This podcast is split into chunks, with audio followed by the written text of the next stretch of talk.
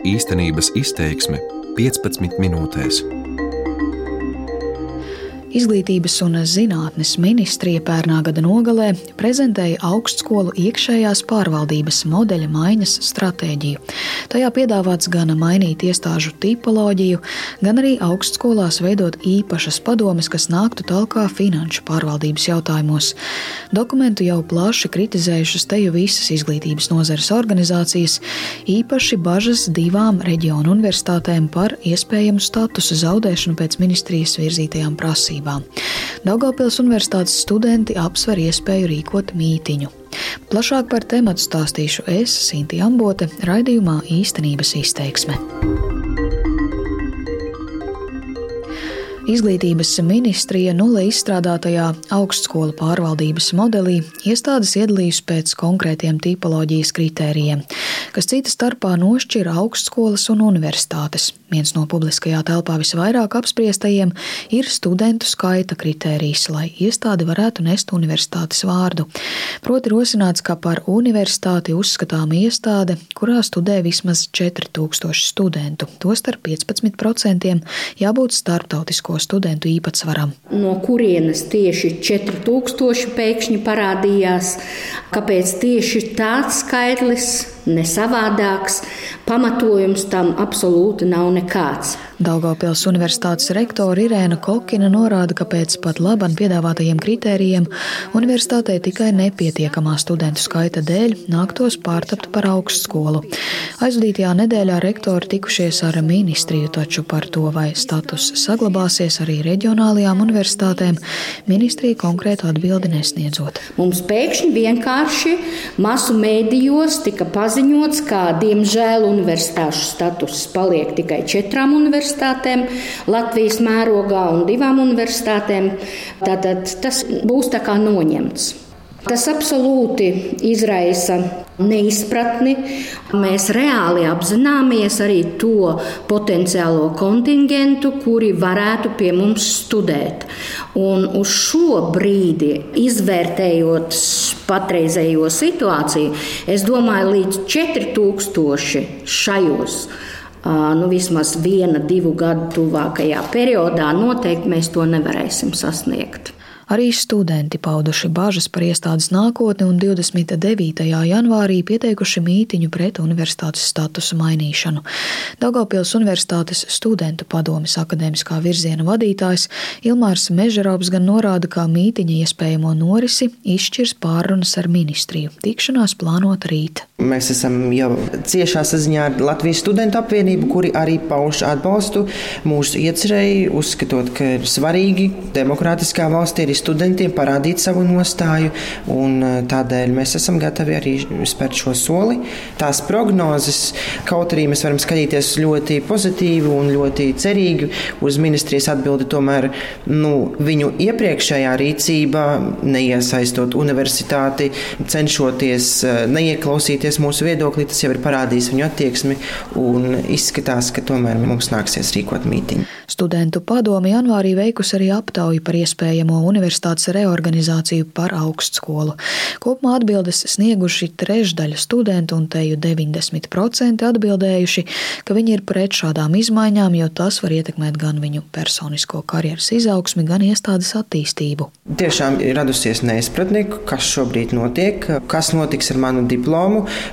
Patiesi ir bijis, esmu runājis ar studentiem, kuri saka, ka viņi vēlas absolvēt Daugopils universitāti, jo viņi ir uz to gājuši ar saviem mērķiem, ar savām ambīcijām iegūt starptautiski atzīstamu un pazīstamu diplomu, jo tieši tā reputācija un tas, ko sniedz universitāte, ir tas, kas piesaista studentus un liek studentiem palikt šajā reģionā.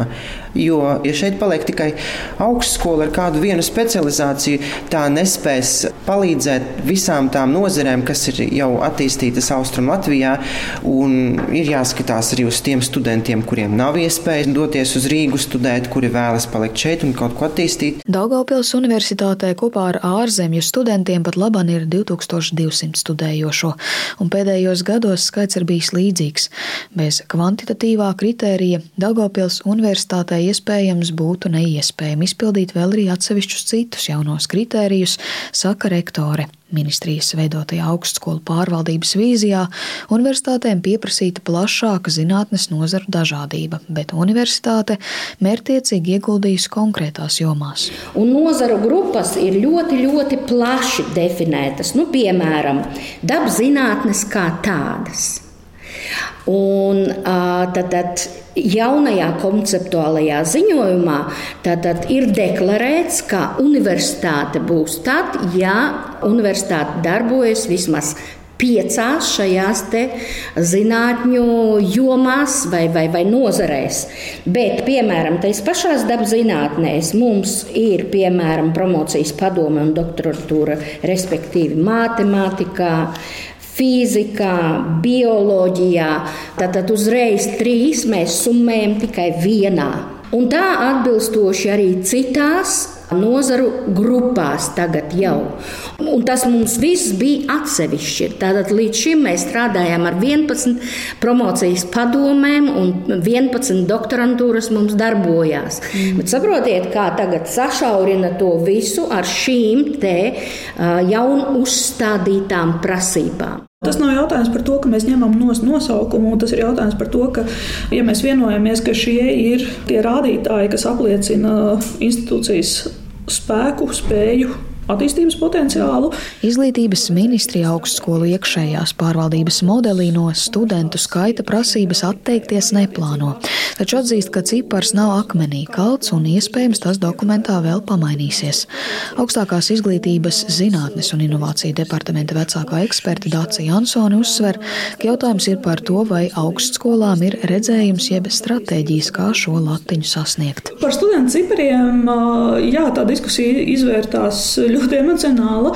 Tas nebija gluži tas, ko mēs plānojām ieliekot šos atskaites punktus. Tas drīzāk ir saistīts ar to, ka mēs dodam skaidru attīstības vektoru, ka spēcīgas ir tās universitātes, kurām ir eh, nodrošināta noteikta kritiskā masa. Un skatāmies, kuras ir eh, spēcīgākās institūcijas, kāds viņu pašreizējais lielums un eh, kādas ir demografijas tendences, kādas, kādas ir projekcijas attiecībā arī uz starptautiskās studentu piesaisti.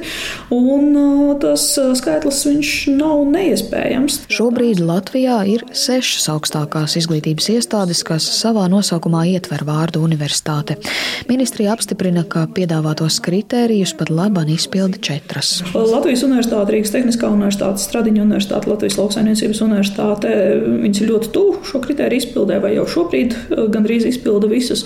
Tur, kur lielākie izaicinājumi, tā ir Liepāja un Daugavpils. Tas nav jautājums par to, eh, ka universitātes nosaukumā nosaukums pats par sevi kaut ko apliecina, apliecina reālā spēja izdarīt lietas, reālā spēja sasniegt noteiktus uh, attīstības rādītājus. Stāsts ir par to. Mūsu studentu skaita kritērijs ir tikai viens no kritērijiem. Ja citos kritēriju blokos uh, šie rādītāji ir augstāki, tad, protams, mēs uh, varam skatīties, ka nu, snieguma rādītāji izbalansējas. Ministrijas speciālists skaidro, ka augstskolu tipu noteikšana vajadzīga, jo izglītības jomā ilgu laiku nav vērtētas augstākās izglītības institūcijas. Vai mēs ejam līdzi laikam Eiropas valstu kontekstā, kā arī vai mūsu ambīcijas ir pietiekoši augstas? Mēs ikdienā uz savām uh, augstākās izglītības institūcijām skatāmies no Latvijas perspektīvas, bet realitātē visas Latvijas augstākās izglītības institūcijas jau sen ir spēlētāji Eiropas augstākās izglītības telpā. Līdz ar to, atverot šo diskusiju, tās, kur uh, nāca diezgan skaidrs priekšlikums, ka varētu ieviest šo dalījumu divās grupās - universitātes un augstskolas. Jansona uzsver, ka gan universitātēs, gan augstskolās saglabāsies tiesības īstenot bakalaura, maģistra un doktora līmeņa programmas. Taču universitātēm lielākais darbības fokus būs vērsts uz pētniecību. Un, līdz ar to arī universitātēm kā būtisks kritērijs, kas nāk līdz šim uzstādījumam, ir, ka ievērojamai daļai no 30 līdz 50% universitātes budžeta būtu jāveido no zinātnes daļas, no zinātnes finansējuma. Tas ir pats nozīmīgākais. Universitātes tāpat kā augstskolas arī turpina īstenot studiju programmas. Tas, ko mēs sagaidām, ka universitātēs vairāk ir starptautiskie studenti, īpaši maģistra un doktora līmeņa studijās.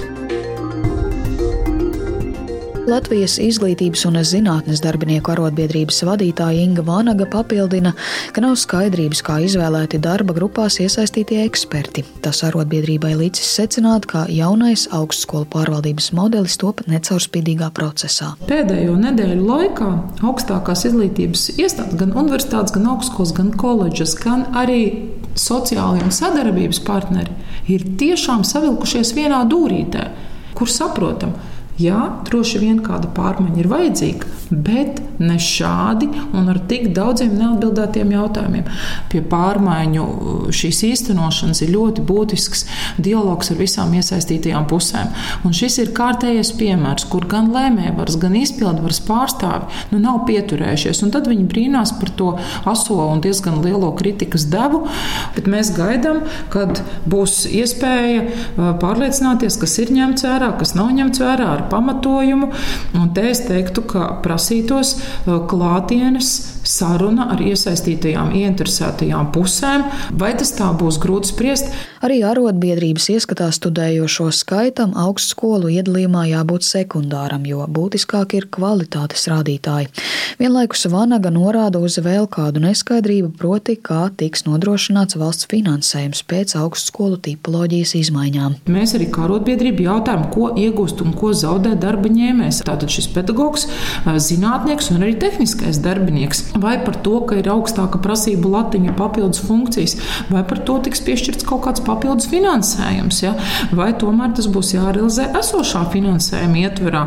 Savukārt rektoru padome savā atzinumā raksta, ka izglītības ministrijas reformas dokuments ir neatbilstošs normatīviem un nav izmantojams, jo īpaši, ja nav izvērtēta politiskās iniciatīvas ietekme uz augstskolu finansējumu. Dācis Jansons norāda, ka atsevišķs finansējums pārvaldības reformai nav paredzēts. Nav paredzēts, ka tieši status ietekmē to, kādā veidā tiek piešķirts finansējums, bet tur, kur netieši tas parādīsies, ja universitātē lielāka attīstība ir koncentrēta uz zinātni, tad, protams, šis zinātnes budžets, tā skaitā arī zinātnes bāzes finansējums, protams, ka tur nu, tas veidosies viņu kopējā budžetā, šī sadaļa veidosies lielākajā. Drīzāk tas skar no šī finansējuma struktūru, un tad atkal ir jautājums par spēju izplānot, kā piesaistīt investīcijas ja, tām darbībām, kuras tiek prioritizētas. Vēl daudz apspriests ministrijas priekšlikums katrā augstskolā veidot īpašas padomes, kas risinātu saimniecisko un finanšu attīstības pārvaldību.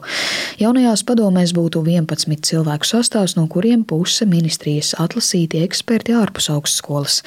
Taču nozare arī šeit vērš uzmanību uz neskaidrību, kas apmaksās šo ekspertu darbu, skaidro rektoru padomas vadītāja Rūta Muktu Pāvela un Inga Panaga. Kādā veidā tiks aprīķināts finansējums, tiks maksāts, netiks maksāts šo padomu locekļiem par viņu darbu, par viņu zināšanu, par viņu ieguldījumu. Un vai tas nāks no jau esošā finansējuma ietvaros, vai tur būs paredzēts kaut kāds papildus finansējums, vai arī pēc kādiem kritērijiem, kādās augstskolās tas notiks vai nē.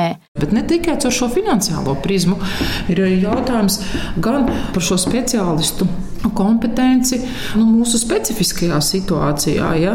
Jo nu, tāds skats no malas nenāktu par sliktu kādu reizi, bet to jau augstskola rektori šodien var darīt. Ir padomnieku konventi, un rektors, kas domā ilgtermiņā, to jau šodien dara. Piesaista profesionāļus, kuri redz no malas un iedod padomu, kā nu, attīstīt, ja? kā pilnveidot to darbību. Muktu Pāvela arī kā kultūras akadēmijas rektori papildina, ka pārvaldības modelī būtu jānošķir mākslas augstskolas kā atsevišķu tipu, lai tās arī varētu saglabāt universitātes statusu ar citādāku kapacitāti. Mākslas augstskolas šobrīd ir gan šīs mm, institūcijas, kas sagatavo kultūras telpai nepieciešamos speciālistus, bet tajā pašā laikā visās trijās mākslas augstskolās ir attīstīta zinātne, zinātniskā pētniecība. Un, ja mēs mākslas augstskolas ieliekam, piemēram, lietišķo augstskolu tajā nozarē, tipā, tad tās zaudē savu šo zinātnisko kvalifikāciju, kas savukārt ir ārkārtīgi nozīmīga starptautiskā līmenī, veidojot dažādus konsorcijus. Izglītības ministrija atzīst, ka pārvaldības modelī patiešām pagaidām nav apspriestas mākslas augstskolas, bet sola, ka tās varēs saglabāt universitātes tipa statusu. Izglītības nozarē pēdējos mēnešos viedokli izteikušas teju visas organizācijas un šķiet ar mērenāku pieeju uz reformu pagaidām raugās jauno zinātnieku apvienība, kas aicinājusi iesaistītajām pusēm neiet ierakumos. Apvienības pārstāvis Kristaps Jaudzems piekrīt, ka piedāvātā pirmā redakcija ir sasteigta un daudzas lietas nav aprakstītas, bet reformu nav jāaptur. Es pats zinātnē darbojos nu, nedaudz vairāk kā desmit gadus. Septiņus gadus arī pasniedzu universitātēs.